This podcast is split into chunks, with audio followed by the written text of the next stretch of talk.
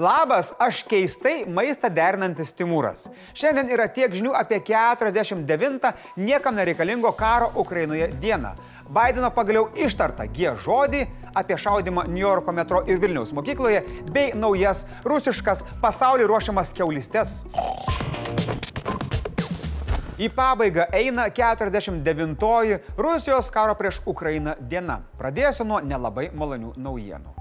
Ukraina pranešė, kad šiandien buvo pernelyg pavojinga atverti kuri nors iš humanitarinių koridorių. Kodėl? Vėl kalti besmegeniai ir beširdžiai rusų kariai.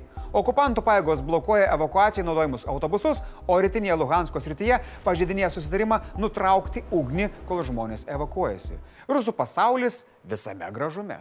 Anot Zelenskio, Rusijos kariai draudžiamomis fosforo bombomis atakavo Zaporožės rytyje esantį Novodanilivkos kaimą. Pranešta ir apie kelis sprogimus Harkive. Raketos taip pat krito ir Žitomyro ir Poltavos regionuose. Maxar Technologies vaizdai rodo, kad Rusija dislokuoja karius Belgorodo regione, būsimam polimui rytų Ukrainoje. Ukrainiečiai rytinėme Dombase irgi tikisi polimo. O dabar šviesesnės naujienos. Ukrainos saugumo tarnybos pranešė sučiupusios garsų prokremlišką ukrainiečių oligarchą Viktorą Medvečiuką, pasprukusi iš namų arešto prasidėjus karui. Taip, Va šitas varguolis liūdnų veidų ir labai partais plaukais yra vienas turtingiausių žmonių Ukrainoje. Jo turtas vertinamas net 620 milijonų JAV dolerių. Dabar nemažai šansų, kad šitą tevinės išdaviką ukrainiečiai galėtų visai neblogai išsikeisti į daug nelaisvent patekusių savo karių. Kita gera žinia skrieja iš miesto, kuriame gerų žinių seniai nebėra. Ukrainos prezidento patarėjas Oleksijus Arestovičius pranešė, kad Mariupolėje 36-osios jūrų pėstininkų brigados daliniai dėl sudėtingo ir labai rizikingo manevro prasiveržė iki Azovo pulko ir prie jo prisijungė. Tai reiškia, kad Mariupolis turi antrą šansą. Mariupolio mero patarėjas Petro Andriuščenka sako, kad Rusijos kariai gegužės 9 dieną planuoja Mariupolėje surenkti paradą, jei jų specialioji operacija pasiseks. Tikėkime, kad vienintelis paradas Mariupolėje per Pabėdos dieną bus Azovo pulko šviežiai iškeptų rašistų kunelių kolona į Matušką Rasiją. Pabaigai dar viena gera žinia.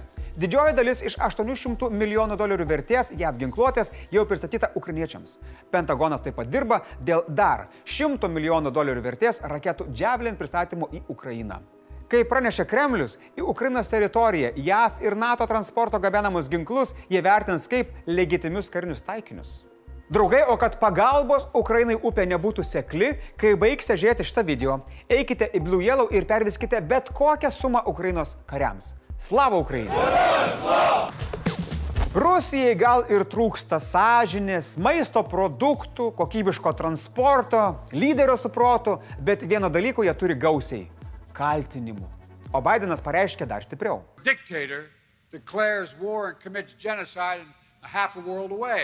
Čia yra didelis žingsnis į priekį. Pasak Bideno, nors šį faktą dar turės nustatyti teismai, tačiau genocido įrodymų vis daugėja.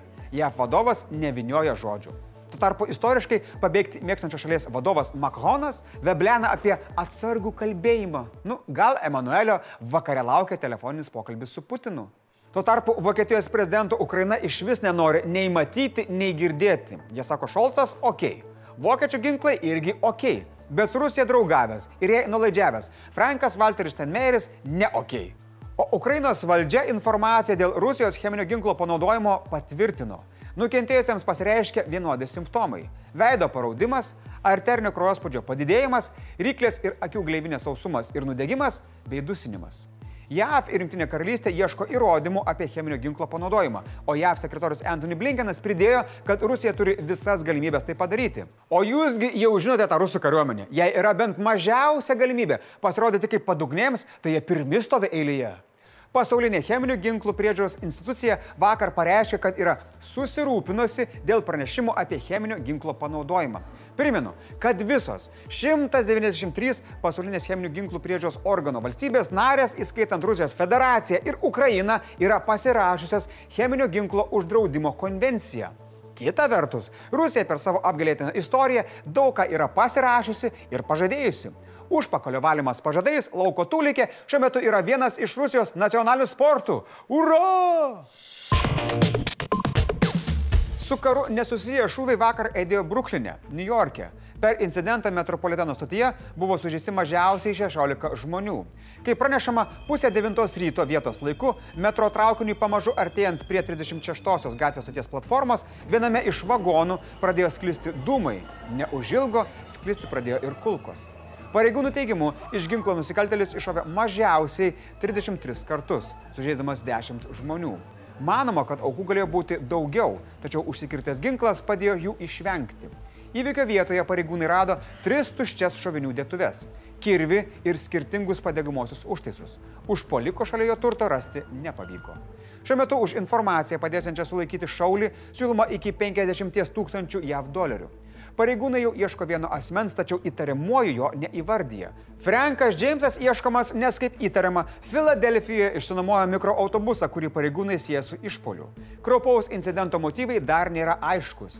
Įtariamojo paiešką apsunkina netikėtai sugedusios metro stoties stebėjimo kameros. Tuo tarpu Bidenas išreiškė dėkingumą nedelsiant sureagavusiems į įvykį ir tiems, kas teikia pagalbą nukentėjusiems. Šūvių banga pasiekė ir Lietuvą. Šiandien Vilniuje vienas Radvilų gimnazijoje besimokantis paauglys į pamokas nusprendė atsinešti pistoletą.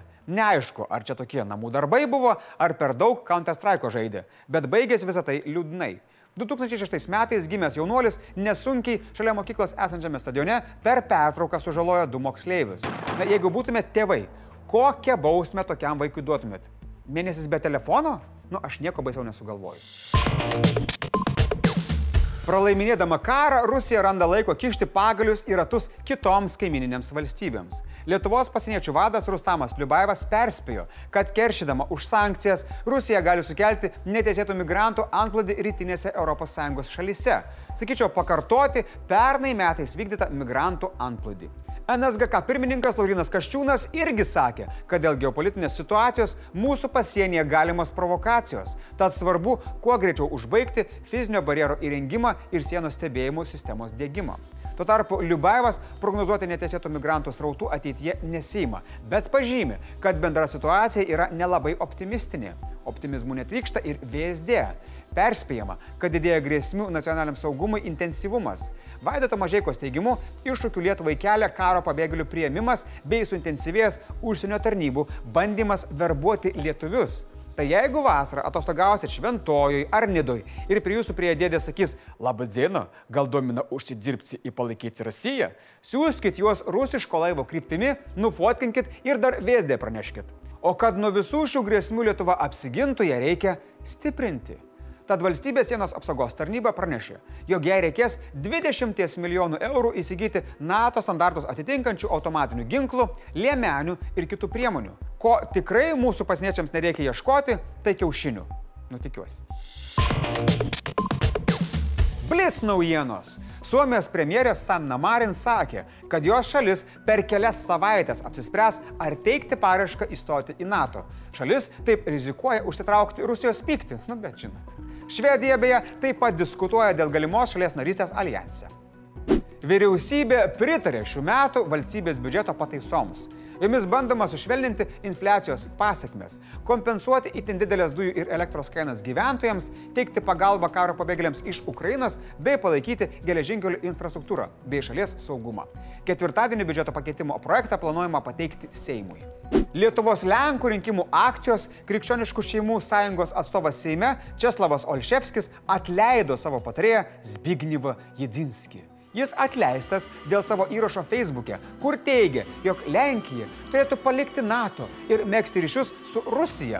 Partija pranešė atsiribojanti nuo pono Z. Jedinskio asmeninio komentaro parašyto Facebook'e ir garantavo remianti Lietuvos euroatlantinę kryptį. Uf.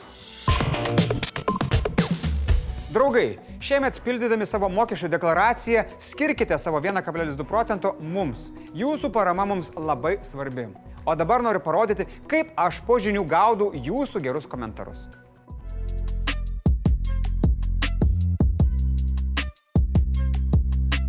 Šiandien tiek žinių, rytoj čia vėl būsiu aš. Iki.